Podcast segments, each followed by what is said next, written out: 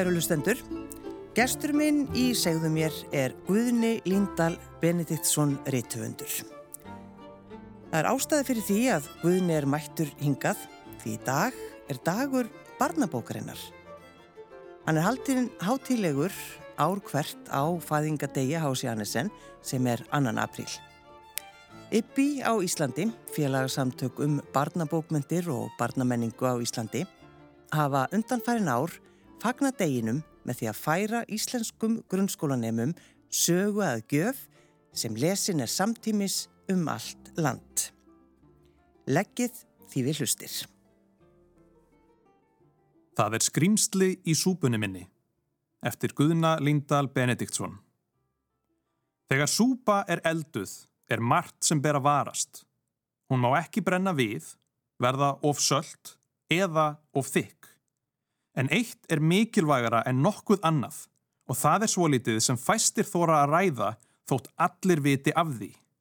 Passa verður að ekki sé skrimsli í súpunni. Hvað er þetta að segja? Skrimsli í súpunni? Það er fáranlegt. Já, ég var á sama máli þar til ég sá það með eigin augum. Leifi mér að segja ykkur frá því. Ég var nýju ára gamall pínulítill og nýkominn með mín fyrstu glerugu. Pappi hafði tekið eftir því að ég settist sífælt nær og nær sjónvarpin á kvöldin og fattaði loks að ég var farin að sjá frekar illa. Ef hann hefði ekki tekið í taumana hefði ég eflaust endað á að hverfa inn í skjáin eða að minnstakosti skallaðan og meitt mig. En ég var ekki bara nærsýn, ég var líka alveg hrikalega matvandur. Þú hefðir geta farið hvert sem er í heiminum en hvergi hefður fundið matvandari dreng. Það var sama hvað mamma og pappi reyndu, það var ekki nokkur leið að koma ofan í mig mat sem var ekki hamborgari, pizza eða morgunkorn. Mér fannst bragðið af öllu öðru svo vond og í mínum huga var fátt verra en tómatsúpa. Eitt dimman dag í februar Satt ég, eins og svo oft áður, í mötuneytinu í skólanum og starði á diskin minn, leiður í bræði. Þar blasti við mér mín versta martröð. Rauð, lapþunn og ógeðsleg tómatsúpa.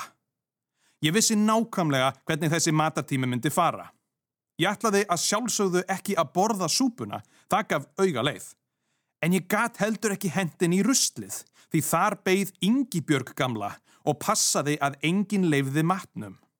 Hún var stærri og sterkari en allir kennararnir í skólanum og við vorum öll hrætt við hana. Ég hefði einu sinni reynd að lauma heilum disk af plokkfiski í ruslafötuna þegar Ingibjörg brá sér inn í eldús en hún sá við mér. Fiskurinn lendi ekki fötunni heldur í höndunum á Ingibjörgu sem byrtist allt í einu fyrir aftan mig. Fiskurinn endaði svo aftur á disnum mínum með viðurstyggilegu skvampljóði. Eftir það reyndi ég aldrei framar að snúa á hana. Þess í stað satt ég allan matartíman í matsalnum oft al einn, bara ég og diskurinn minn. Á meðan allir hinnir krakkarnir leku sér í fríminótum, beigði ég þólenmóður eftir að bjallan ringdi og þá varð að hleypa mér í tíma. Ég var auðvitað svangur en ég ætlaði sko aldeilis ekki að borða eitthvað ógeð. Besti vinnu minn, hann Maggi, honum fannst þetta fáranlegt. Hann spilaði fótbolta í öllum fríminótum og borðaði hvað sem er. Hvers vegna borðar ekki bara matinn? Það tekur fimm mínútur og svo ertu frjáls. Maggi, Maggi, Maggi, sagði ég spekingslega. Ef ég borða vondan mat, hvað ger ég næst? Horfi á vondar bíómyndir? Fer í ljót född? Næ, ég ætla ekki að tapa þessari baróttu. Vittu til, vondur matur er það allra versta í þessum heimi. Rökin mín voru fullkomin, en þrátt fyrir það náði ég aldrei að sannfara neitt og alltaf endaði ég aðleit með disk af einhverju hræðilegu fyrir framann mig og yngi börgu gömlu gónandi á mig út í hortni. En þennan örlagaríka dag í februar gerðist nokkuð stórmerkilegt. Ég satt í miðjumötuneytinu með disk af sjóðandi heitri og ógeðslegri tómatsúpu. Maggi satt við hliðin á mér, klættur í stuttbuksur og fótboltaskó eins og vanalega. Á móti mér sátu tvíburatnir Ástís og Aron. Þau voru með mér í bekk og litu nákvæmlega eins út, fyrir utan að Ástís var með sítt hár og Aron gekk alltaf um með sjóræningahatt. Þau höfðu bara verið í bekknum í einn vetur en urðu strax ómissandi hluti af vinahópnum því þau voru svo fyndin og rekkjótt. Mér finnst ekkit gaman að borða súpu heldur, sko, sagði Ástís með munnin fullan af súpu. En þú verður bara að gera það. Þú færð aldrei neinar fríminótur. Það er glatað. Þetta er einfalt. Þetta er eins og þú sért í innvíi við súpuna, sagði Aron og diffkaði röttina. Þú á móti súpunni, hvor mun sigra? Ég let þetta sem vind um eiru þjóta. Þau skild ekki snildina á bakvið heimsbyggi mína. Ég let fara vel um í stólnum mínum, löngu búin að ákveða að ég ætlaði alls ekki að borða þessa súpu sama hvað tautaði og raulaði. Ég sá Ingi Björgu fylgjast grant með mér og hlustaði ekkert á vini mína sem reyndu að sannfara mig um að súpan væri bara fín og ég ætti bara hætta kvarta. Það sem ég vissi ekki var að meðan ég sat þarna það átti nokkuð stórfurðulegt sér stað í njeldusinu. Þar bísaði Kristján Kokkur við eldamennskuna, kófsveittur og gröðfúll eins og flesta aðra daga. Kristján Kokkur hafði eldað þarna í nokkur ár og skapið í honum virtist versna með hverju höstinu. Okkur kom ekkert sjálflega vel saman, mér og Kristjáni, því ég borðaði aldrei matinans. Ég hefði aldrei óskað þess að nokkur hræðilegt kemi fyrir hann, en það var ymmit það sem gerðist. Það er um þetta leiti sem sagan verður frekar skrítin, en ég lofa því að þetta er allt dagsatt. Þennan skringilega dag sá Kristján Kokkur sér til skelvingar að hann hefði eldað of lítið af súpu. Hann vissi að allt er þið vittlust þegar unglingadeildin kem í mat. Unglingar eru nefnilega eins og flóðhestar. Aðtiglisverðir, en þú vilt ekki vera nálagt þeim þegar þeir eru svangir. Í örvendingu gramsaði Kristján í öllum skápum þar til hann fann stóra og eldgamla dós sem ástóð tómat súpa. Sigri hrósandi sturtaði hann úr henni í pottin með afgöngunum af upphaflugusúpunni og kastaði dósinni í ruslið án þess að lesa á hana. Það hefði hann ekki átt að gera. Hann hefði átt að staldra við í andartak og lesa innihaldslýsinguna. Þannig hefði hann geta komið í veg fyrir allt það sem gerðist næst. Áður en Kristján gæti rönd við reist, sprakk lokið af pottinum og súpan guðsaðist í allar áttir. Við krakkarnir vissum auðvitað ekkert hvað var í gangi. Við sátum bara við borðið í róleiheitum þegar við heyrðum hljóðið í pottlókinu skella á golfinu, svo stutta þögn og svo hö, hö, hjálp! Og svo hljóð sem ég mun aldrei gleima, svo lengi sem ég lifi. Njóm! Allir krakkarnir litu hvora á annan og svo á Yngibjörgu gömlu. Hún gaf okkur þögull merki um að steinþeia og laumaði sér svo inn í eldúsið til að kanna málið. Þetta var fullkomið tækifæri fyrir mig. Nú var engin að vakta ruslafötuna. Ég spratt á fætur og lættist eins hratt og ég gat millir borða og stóla með diskin í höndunum. Maggi hristi höfuðið yfir stælunum í mér en Ástís og Aron kvöttu mig áfram með því að veifa og benda. Svitin perlaði á ennin á mér. Ég var með augun límd við hurðina inn í eldúsið. Yngibjörg gætt byrst á hverri stundu. Ég komst að ruslinu, heldi úr disknum og lagðan frá mér. Í fyrsta sinn hafði það tekist. Ég gætt farið í fóbolta, ég gætt hangið með vinum mínum, ég gætt gert hvað sem er. Heimurinn var minn. Þvílig tilfinning, heilt hádegislið þar sem ég gætt gert það sem ég vildi. En þá var hurðinni hrundið upp og Yngibjörg byrtist, skelving og lostin. Ég fröys í spórunum handvis um að ég var í gómaður. En í stað þess að skamma mig, þá baðaði hún út öllum örmum og gargaði. Það er skrimsli í!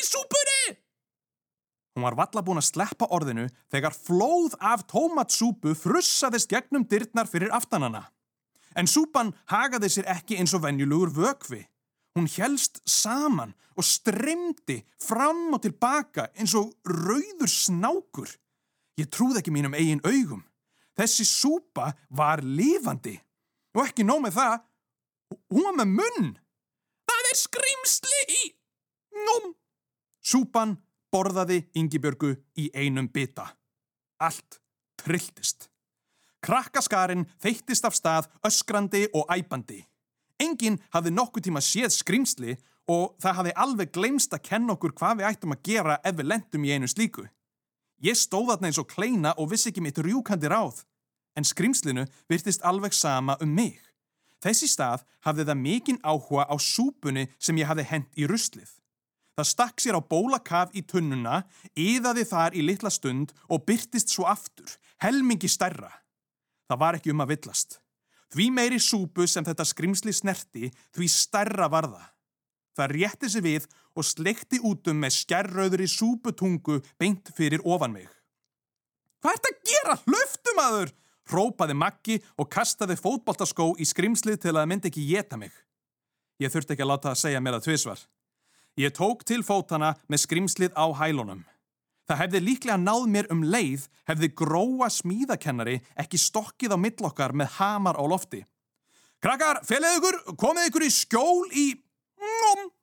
Gróa kvarf upp í skrimslið og svo þeittist það af stað millir borða og stóla í leit að fleiri súpudiskum. Það góða var að þá gáttum viðgripi tækifærið og flúið inn í eldús. Það slæma var að skrimslið átti í engum erfiðleikum með að finna meiri súpu. Hver einasti nefandi hafði fengið kúaðan disk. Ég, Maggi, Aron og Ástís tróðum okkur bak við hrúu af pottum inn í eldúsi og sáum okkur til skelvingar að skrimslið hafði tvöfaldast, þrefaldast, fjórfaldast. Þetta var ótrúlegt, það var orðið stærra en skólarúta. Og svo hófst það handa. Ngom, ngom, ngom. Einn af öðrum hurfu krakkar og kennarar upp í opið genið. Það var algjört öngveiti í mötuneitinu, súpan var gjörsamlega trillt. Maggi satt ofan í ruslafötu í einum skó og braut heilan. Hvað eigum við að gera? Skrimslið á eftir að borða alla í skólanum. Við getum ekki falið okkur hérna að eilífu. Ég stóð á gati. Ég hafði ekki hugmynd. En sem betur fer voru tvíburatnir á staðnum. Þau höfðu alltaf lausn á reyðum höndum. Ástís og Aron litu hvort á annað og svo tók Aron af sér sjóraningahattin. Innan úr honum týndu þau allskinn stót sem notað var til rekja. Þarna var gerfi kúkur, eh, slím, prumpubladra, auga, pöttur úr plasti, blóm sem spröytaði vatni og laung kirkislanga. Þetta var líklega flottasta samansam af rekjadóti á landinu en ekkert af þessu gætt hjálpa til við að berjast við skrimsli. Þau yftu bara aukslum, vonsvíkin. Ég skalf á beinunum. Ekki vegna þess að ég var hrættur um að vera jétin þótt ég væri þannig reyndar. Ekki vegna þess að ég vissi ekki hvað var í gangi þótt ég hefði reyndar ekki hugmyndum það. Nei, það sem gerði mig virkilega smeykan var að skrimslið var úr tómatsúpu. Ói barasta, því líkur viðbjóður. Hversu það ekki verið rísastór froskur eða tröll, hvað sem var annað en tómatsúpa? Eitt var á hreinu. Við urðum að komast út úr skólanum. Ég laumaðist á fjórum fótum að stóru hurðinni aftast í eldúsinu og tók í húnin en hún var læst. Engin var með likla nema Kristján Kokkur og Ingi Björg gamla en þau voru bæði í maganum á skrýmslinu þessa stundina og þess vegna vant við látin. Við verðum að komast út, hvístaði ég meðan skrýmslið slettist um allan matsalinn og glefti þá fáu sem eftir voru. Ngom, ngom. Þakið, höfðvitað, hvísluðu Aron og Ástís í kór og slóðu sig bæði á ennið eins og þau hefðu átt að fatta það strax. Við Maggi vissum ekkert um hvað þau voru að tala en eldum þau að gömlum brunastega út í horni sem leiti að hlera í loftinu. Þau höfðu nefnilega nokkru sinnum stólist tangað upp til að fela sig eftir að rekkir fóru úr böndunum og krakkar urðu brjálaður út í þau. Maggi klifraði upp stegan eins og kunguló og á auga bragði var hann komin gegnum hleran og upp á þak. Þaðan hlutum við að geta kallað á hjálp eða komist í skjól. Ástís fylgdi humátt á eftir húnum. Ég var komið með aðra hönd á stígan þegar táin á mér rakst í eitthvað. Það var tómatsúpu dósin sem Kristján Kokkur hafði notað, eldgömul og risa stór. Aron tók hana í fangið og saman grand skoðum við hana í leita svörum. við þurftum ekki að leita lengi. Aftan á dósinni blasti við okkur þar sem Kristjóni Kokki hafði yfirsjast. Innihaldslýsingin. Þar stóð nefnilega með stórum eldrauðum stöðum innan í gulu viðvörunamerki. Varúð, gæti, innihaldið, skrimsli. Hvernig gatan verið svona kærulaus? Allir kokkar vita að þú verður að skoða innihaldslýsinguna áður en þú elda súpu. Hvernig áttu annars að vera vissum að það sé ekkert skrimsli henni? Okkur var svo bröði við þetta að Aron misti dósina. Hún fjallti jarðar með háum kvelli sem bergmálaði um allan skólan. Inn í matsalum snerist skrimslið á puntinum, beint í áttina að okkur. Ég þaut upp stígan eins hratt og ég gat og Aron fylgdi á eftir en hann var of sein. Skrimslið gleifti bæði hann og sjóraningahattin. Ég rétt komst upp á þak til Magga og Ástísar áður en það náði í tærnar á mér. Ég var varla búin að loka hleranum þegar ég áttaði mig á því að þetta hafði verið slæm hugmynd. Það var engin leið niður af þakinu. Við vorum pikk först þarna. Við reyndum að veifa til bíla En það var engin leið að útskýra án orða að súpuskrimsli væri að borða alla í skólanum, þannig að engin stoppaði. Við vorum einn á báti. Það var enga hjálp að fá. Við heldum að minnstakosti að við vorum óhullt upp á þakki, en svo var ekki. Skrimslið hafði greinilega fundið hvert einasta dropa af súpu í eldúsinu og var orðið of stórt fyrir skólan. Nú tróða sér út um gluggan og rétti úr sér á bílastæðinu fyrir neðan okkur. Þarna blasti það við okkur í allri sinni dyrð í fyrsta sinn. Þetta var stærsta súpa í öllum heiminum. Stærri en risaðla, stærri en skólinn. Þarna gnæfðun yfir okkur með risavaksið genið gal opið en þá sársvöng, tilbúin að háma í sig allt landið. En fyrst, okkur. Ég vildi bara spila fókbólta, emjaði Maggi. Það var engin von. Þið áttum ekki sjens. Skrimsli var búið að borða allt og alla og næst var komið að okkur. Mér langaði að gráta þetta var svo glatað. Jétin af tómatsúpu skrimsli. Þetta var það allra versta sem hefði geta komið fyrir mig. En þá myndi ég eftir því sem Aron hafði sagt aðeins nokkrum mínutum áður. Þú á móti súpunni, hvor mun sigra? Eitthvað í þessum orðum satt í mér. Það var eitthvað aðna, eitthvað mikilvægt.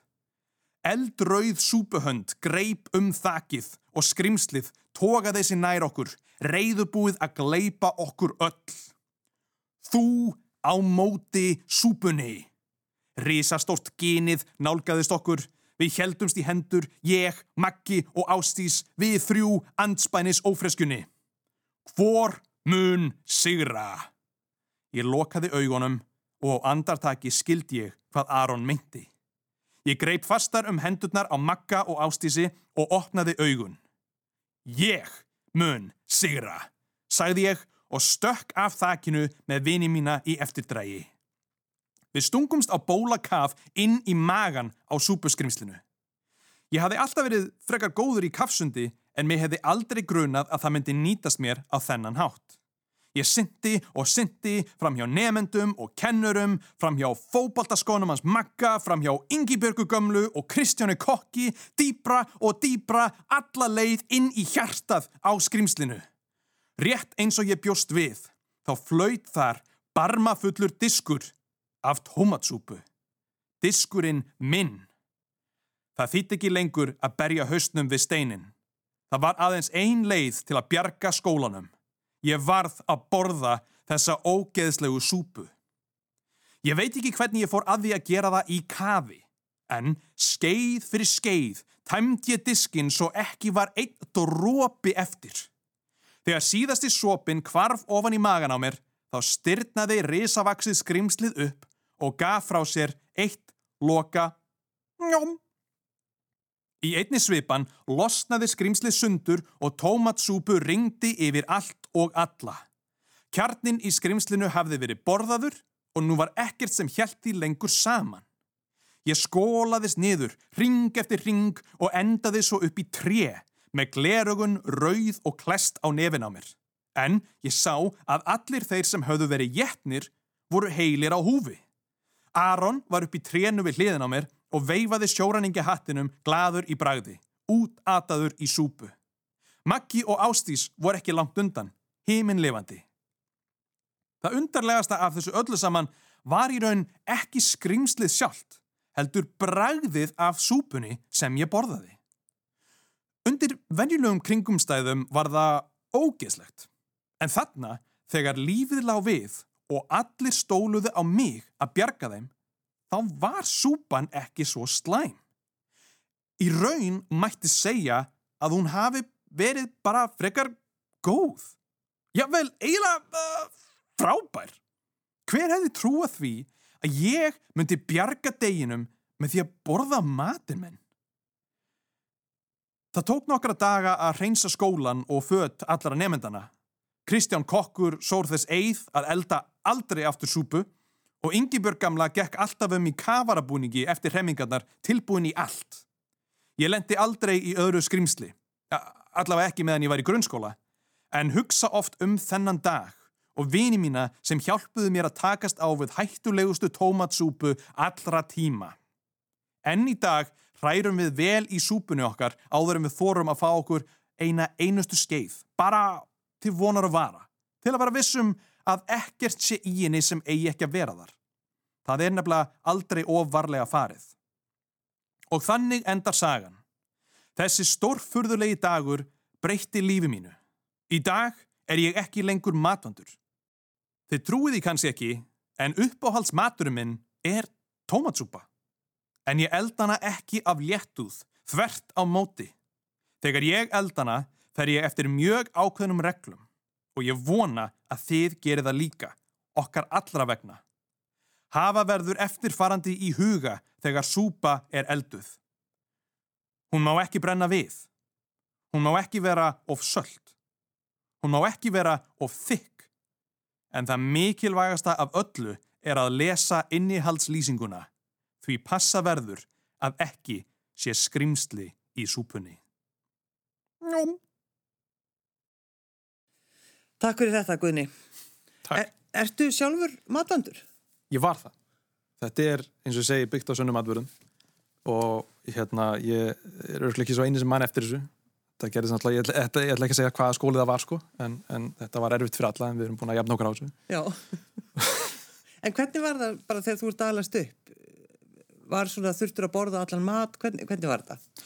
Já, það voru reynd ímis bröð sko. Uh, Kjötsúpa var hituð upp margsins það var reynd að setja hlutu upp í mig sem að ég bara spýti bara aftur út. Um, en en svo einhvern veginn einhvern veginn með tíð og tíma kom þetta þegar ég aukvölda að þetta væri kannski ekki, ekki hérna, eitthvað til að vera stoltur af heldur meira kannski eitthvað til að bæta. Já, akkurat. Um, en, en þetta hafðist fyrir rest. Allt og seint samt, allt og seint.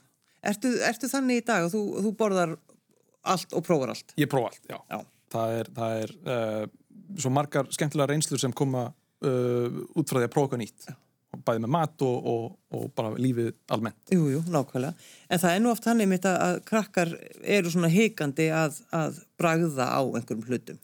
Já, fyrir þá krakka, sko, fyrir mig þá var þetta uh, allt sko í hugafarinu.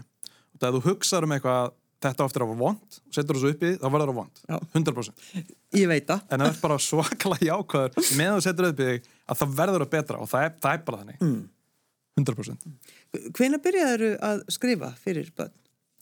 Fyrir börn? Uh, fyrsta bóki mín kemur úr 2014 og það er Leitin að blóðei sem er fyrsta af tveimu bókum í bókafloknum um ótrúleg ævintýri Ava og, og setni bókin kom svo út árið eftir og, og það er Leitin að blóðei sem að hlýtur sagt, íslensku bandabókavelunin þegar hún kemur út mm. sem er bara frábær uh, frábær byrjun. Já, varstu sko bráðir?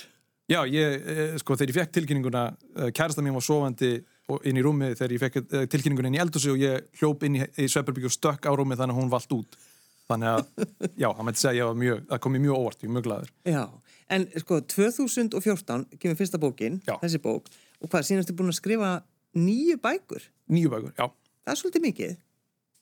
Já, það er svolítið mikið. en eitthvað verður maður að gera. Já. Uh, ég er með þessum nýju bókum búin að reyna að tækla eiginlega alla aldurshópa sem að hægt er að tækla af börnum og ungmennum með, með hérna, uh, svona þrý leik sem að ég gerði með japanskri listakonu sem heitir Ryogo Tamura sem að uh, eru heita Stelpan Sem, Stelpan sem týndi bróður sínum í ruslinu og Stelpan sem heita þetta mm. og þær eru fyrir svona allra yngstu lesenduna sem er að byrja og, og svo tekur við tvíleikur sem ég gerði sem heitir Hundurinn með hattin sem er svona hálfgjörðu Sherlock Holmes svona hundur sem er að leysa ímis svona sagamál, svona léttlistabækur og svo kemur ótrúlega æfintýri Ava, tvíleikurinn og svo síðastu jól kom út ungmennabók sem heitir Bráðum áðan mm. sem er svona tímaflags uh, æfintýri Bráðum áðan Já, ég reyndar á ekki þann titil. Ævar bróðuminn, Ævar vísindamæður kom með þann titil Já. og hann minnum ofta á að ég skuld honum titil. Algjörða, þannig að þú eru nú aldrei að fara sko, hugsa þinn gang. Það er bara svolítið þannig. Ger ekki annað sko. Þú ert náttúrulega, sko, Guðrið, þú ert aðalatri í þessum, þessum þætti. En ég verð samt einmitt að nefna bróðin og ég feina að þú gerða það sko. af, sko af hverju er þið báðir svona í þessu? Á badnamenningu og að skrifa fyrir badn Það er ekki gott að segja sko. Ég, við ólumst upp á tamningastöðu út í sveit og vorum mikið sko ævar byrjar að, að hérna mjög ungur að vesnast í kassetutækinu heima að taka upp alls konar, taka upp sjálfum það sem mjög mikið Já. taka upp lög og mixa þau og latta og eitthvað. Og svo komist við í myndbandsöptöku vel og fórum við vesnast í því. Og bara þessi heimur í rauninni heitlaði svo svakalega sem var í sjónvarpinu og var í útvarpinu og, og, og við einhvern veginn það verður aldrei kvartlað honum að veist, við gætum ekki gert þetta. Fyrir mér var þetta alltaf fjarlægur draumur. Ég, veist, þetta fólk var í rauninni ekki til í alvörunni og allt það sko. En, en hann í rauninni reyðist hann inn á þessa braud og, og þá sé ég að þetta er hægt þannig að ég fylgja það eftir og, og þannig einhvern veginn gerist þetta sko. Og byrja mjög snemma að vera maður verðast í leikritum í, í hérna, grunnskóla og skrifandi leikritin og leikandi og hinga og þanga Eru þið, sko, eru þið mikið í sambandi við ykkar skrif? Eru þið að tala við hvern annan í ykkar svona, svona vinnuferli? Já, sko, oftast er það í byrjun og enda á hverju bók. Já. Upphafið að þá, þú veist út af því að hugmynd, þú veist aldrei hvernig hún kemur, í baði eða þú ert út að lappa eða þú ert einhver mjög mikilvæg símtala við einhvern allt annan og allt í hennu bara búm, farið hugmynd, verður að skrifa hana niður eða gera eitthvað og uh, og hún er svo viðkvæm þegar hún er inn í hausnum á þau sko. hún er eins og, svona, eins og fóstur eða eitthvað þannig að að fara varlega með hann sko. varlega með hverjum þú sýnir hana því að vittlust eh, hérna, uh, vittlustar aðtöðsendir á hugmyndina þegar hún er í þessu standi geta bara hreinlega gengið að henni döðri sko. þannig að við treystum hverjum öðrum þannig að ef við fáum hugmynda þá sendum við nákvæmdan annan eða ringjum í hvernig annan og við gefum bara hreinskilið feedback á hvernig hún er Já og svo oftast er að bók er búinn að þá er, er ég einn af þeim fáið sem að lesa yfir bók hjá ævari og öfugt hjá, mm. hjá mér sko. En eru þið guðinni eitthvað að vinna saman? Já, við erum að vinna, erum búin að vera að vinna núna í svolítið tíma í uh, bíomend upp úr uh, bókinas æfas Þín einn þjóðsaga sem kemur út 2014 og erum búinir að eh, fá styrki frá kveikmyndasjóði út, frá það, út af það mynd og handriðið er núna eiginlega bara tilbúið og, og nú hefst fjármögnun og við erum búin að fara með hann til Hollands í alls konar vinnustofur og, og hinga og hanga og, og alls konar fólk er áhuga að koma inn í það mm. þannig að, að, að hún er á mjög góðri leið og vonandi eftir kannski tvö ár verður hún reynilega bara tilbúin Já, erstu þólunmóður maður? verður að vera það ef þú ert að vinna í kveikmyndageranum að skrifa því það tekur alltaf svakalega langa tíma En þú, þú ert úti, er það ekki í Englandi, býr þar? Já, ég býr úti í London Já. og þöggs ég nútíma tækni getur maður unnið við skrif nánast hvar sem er já, já.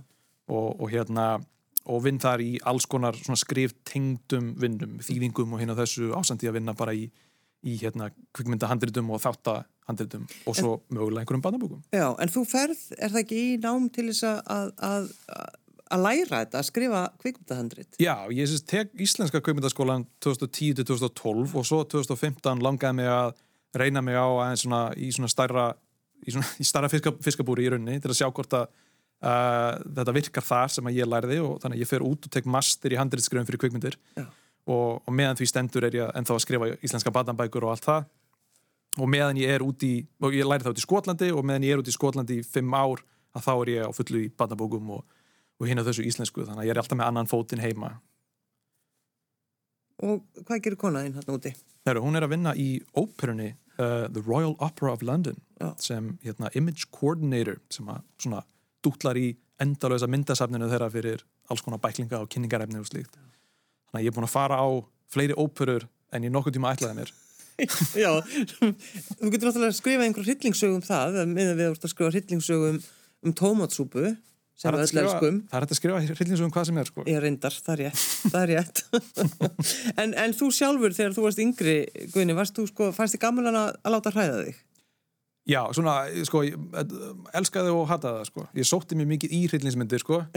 En, en ég man, þú veist, ég uppgöndaði þegar ég var örugglega tíu ára gamall ég ætla nú ekki að segja hvað heitir en, en svona uppvatninga svona seríu sem að ég las og ég var sko ég var ég sá afleggjaran, ég búið til sveit sko ég sá afleggjaran þarna fyrir mér alveg og vissi sko hversu langa tíma það tæki uppvatningana að rölda til heimilisins sko. Og þá hugsaði ég við höfum enga undankomuleið hérna hvað ég var að gera? Og Já. það held fyrir mig vöku bara í alvörinni sko. Já, en samt, en samt held ég áfram sko að lesa það. Og þetta er svo heillandi sko. En sko uppvakningar, er, þetta er náttúrulega bara, þetta er eitthvað stórkostlegt. já sko uppfatningar er það versta sko fyrir mér af, af þeim öllum sko Já. út af því að þetta er þetta er bara fólk sko Og svo gaman líka við sem að tala um þetta eins og, sé, eins og upp, uppvakningar séu til. já það er bara fyrir alla þá sem er erfitt með að sofa þeir eru ekki til Nei, þeir- er allt saman tilbúningur sem ég læriði allt og seint Já. en eh, hvaða bók ert að skrifa til dæmis núna? Þá, þá er ég ekki að tala um handriti sem ert að vinna með bróðinum. Hva, hvað ert að gera núna? sko ég er að, að náttúrulega þvæglega því sem handritum endalaust það er svona búið aðal fókusin þetta árið sko en, uh, en ég er með tvær svona hugmyndir í bígerð sem að uh, er, ekki, er ekki nóg langt á við komna til að ég geti greint frá þeim hér en, en þær eru mjög mikið í, í sama stíl og það sem ég hef verið að vestast hinga til eins og þessi smásaga sem þið voru að hlusta það er mikið, mikið, mikið fjör, mikið svona, þetta er mjög svona stórt uh, og, og kannski örlitið Allt mjög eh, eðlilegt. allt mjög eðlilegt allt, svona, þetta er bara venjulegu skóladagur, Jú, jú. allt það. Já, en, en fyrir börn, klálega Þegar þú hugsaður um bókasatni heimi á fóruldrum þínum og bækurnar sem þið bræður lásuð, hvaða bækur voru það? uh, ég man að ég var nýjára þegar ég las Ringadrótninsögu, spjaldan á milli. Man eftir þegar ég var veikur í sundi og satt og var að lesa Ringadrótninsögu og einn stelpan í bæknu spurði hvað var að mér Já. uh, Ringadrótnisa uh, hérna náttúrulega Harry Potter og, og hérna uh, Ógnaröfl var sem heitir uh, Broken Sky á ennsku eftir uh, höfund sem heitir Chris Wooding var stort fyrir mér þá sko. Svona fjör, fantasíur um, mikið erlend því bara því miður það var ekki mikið af íslenskum fantasíum. Þess vegna er svona ein líkil ástæðan fyrir því að, að ég vinn aðalega í því sko. Ég er að mér langaði svo mikið að það væri til íslenskar fantasíur sko og, og til dæmis þessi Chris Wooding gæi sem var bara örgulega 24 ára eða eitthvað þegar hann var að gera þessar, þessar, þessar bækur þá sko hann, ég sendi hann tölvupost þegar ég var svona 11 ára og hann svaraði því og það var bara pff, fyrir mér sko, því líkt dæmi sko. Og- bara eitthvað brjálat sem ég lent í. Og hérna Og hvað sagður við hann? Hvað, ég var bara eitthvað að spyrja hann hvenar íslenska þýðingin á þú veist, þriðjubókinni kemur út sko, eins og hann vissi það eitthvað og hérna, og hann bara svaraði og bara ekki, ég veit það ekki. En hugsa hvað er fallegt að því að þetta er náttúrulega kannski sem að þú gerir, þú náttúrulega hefur áhuga að tala við börn um bækurna þínar já, já, og svara þeim eflust þegar þau krefja því svara. já, já al- al- bara mínir ánæðin sko. og, og menn fyrir mér var þetta svona líkill að sko, einmitt bara eins og þegar Ævar fór að þarna, brjótast inn í þetta allt saman sko, að bara svona sína manni að þetta er hægt, þetta er bara fólk þú veist, og, og það er gaman að tala um um dótið sem það er að búa til sko, þú veist Þetta var gaman, takk fyrir að, hræða okkur aðeins og, og skemmta uh, á þessum ágæta degi, dagur barnabókarinnar. Já, til að mikið með daginn. Já, sumulegis, Guðni Líndal Benediktsson Ritthöndur, takk fyrir að koma. Takk hjá fyrir mig.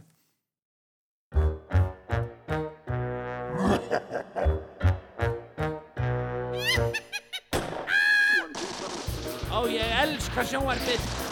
Ég sjúkur er í sjónvarsefni bannað fyrir börn. Mér finnst það mun betra en fara á tjörn. Ég þunnur hljóði degi þegar sjónvarstuðlega segir Þátturinn að tarna er einu hæfi barna.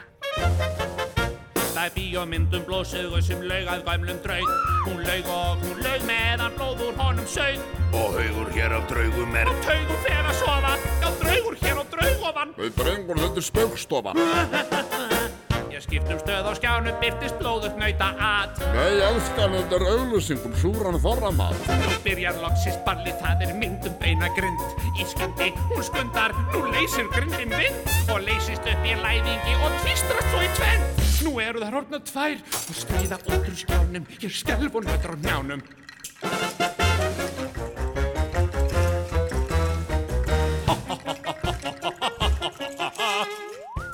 Inn á stofugólfið og önnur beinagrindi læðist að hinni og rótar hana með gömlu beini, bölva beinið og hún er komin á kúpuna eins og þorgi þjóðarinnar. Hún andar ekki, hún er hægt að anda. Það er ekkert skrítið, hún er dauð.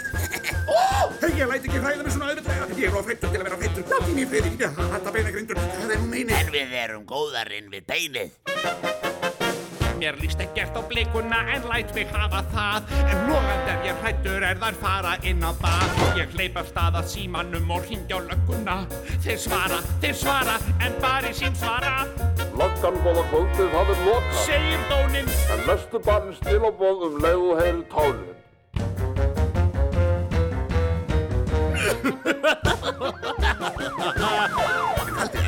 svo heppilega til að út úr sjómarfinu smýður engin annar en John Höskuldur Caruso, rauðherði vestur íslenski leikarinn í svörtu fötunum með sólglerugun sem fer einmitt með hlutverk rauðherði vestur íslenska leinulörumannsins í svörtu fötunum með sólglerugun í CSI Miami. Góða kvöldið, lauruglan hér, það var tilkynntu beinagrindur Beinagrindur, kannski ekki beinargrindur. Nú, voru það ekki beinagrindur? Já, Voru þetta óbeinagrindur? já, Voru þetta einar grindur? nei, tvær. Tvær beinagrindur, hvað voru það að gera hér? Bara á göngu. Aha, göngugrindur Já, þær bara gengum. Gengu þær um beina? Beina. Grindur? Já, já, þær sögðust hafa verið að kaupa í matinn. Aha, innkaupagrindur Já, Ertu vissum að það hefði verið beinagrindur? Ég sé ekki neina grindur en í myrkri er ekki svo gott að greina grindur. Greina grindur? Aha, ég skil Er þetta beina grinda greinda kynning? Nei, Binda beina kindagreining? já, Beina skyndi mynda síning? já, Þú varst ekki að tala um að greina blindur? ha, Þú ert greinilega blindur. Ég meina grindur. Ég meina beinagrindur. já, Hvar eru þessar beinagrindur? fór inn á bað, Gera hvað? snýta sér, Nú, orgrindur. nei, inn á bað. Aha, eins og mig grunaði. Baðgrindur. This is the police. You have the right to remain silent, but everything you say may be used against you in the court of law. Ég held að skilji ekki ennskuð. Skiptir ekki málið? Þessi þættir eru textaðir. Aha, tvær beinagrindur. Hvað, eru það einagrindur? Og það á klósettinu? Buss, voru það að leysa grind? Ég meina vind. Eru það nú beinagrindur? Ekki vil ég þrá skeinagrindur. Ó, þarna hlaupa þær út. Aha, grindarhlaup. Það heyrir ekki undir lögregluna hjá CSI með því Nú, Nei, þú voruð að tala við lögregluna í Grindavík. af hverju? Þeir eru með svo háa grindavíkstöru. Jæja, ég er farin. Var ég ekki með sólglerugum? Sólgleruðu mín? Já, ég er handrið sem að ég var með sólglerugum þegar ég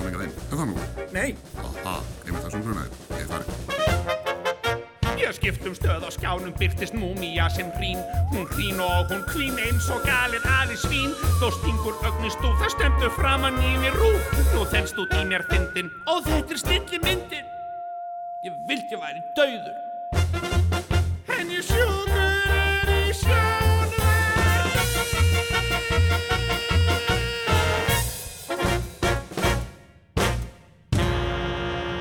Mamma, hvað er fjárstyringin?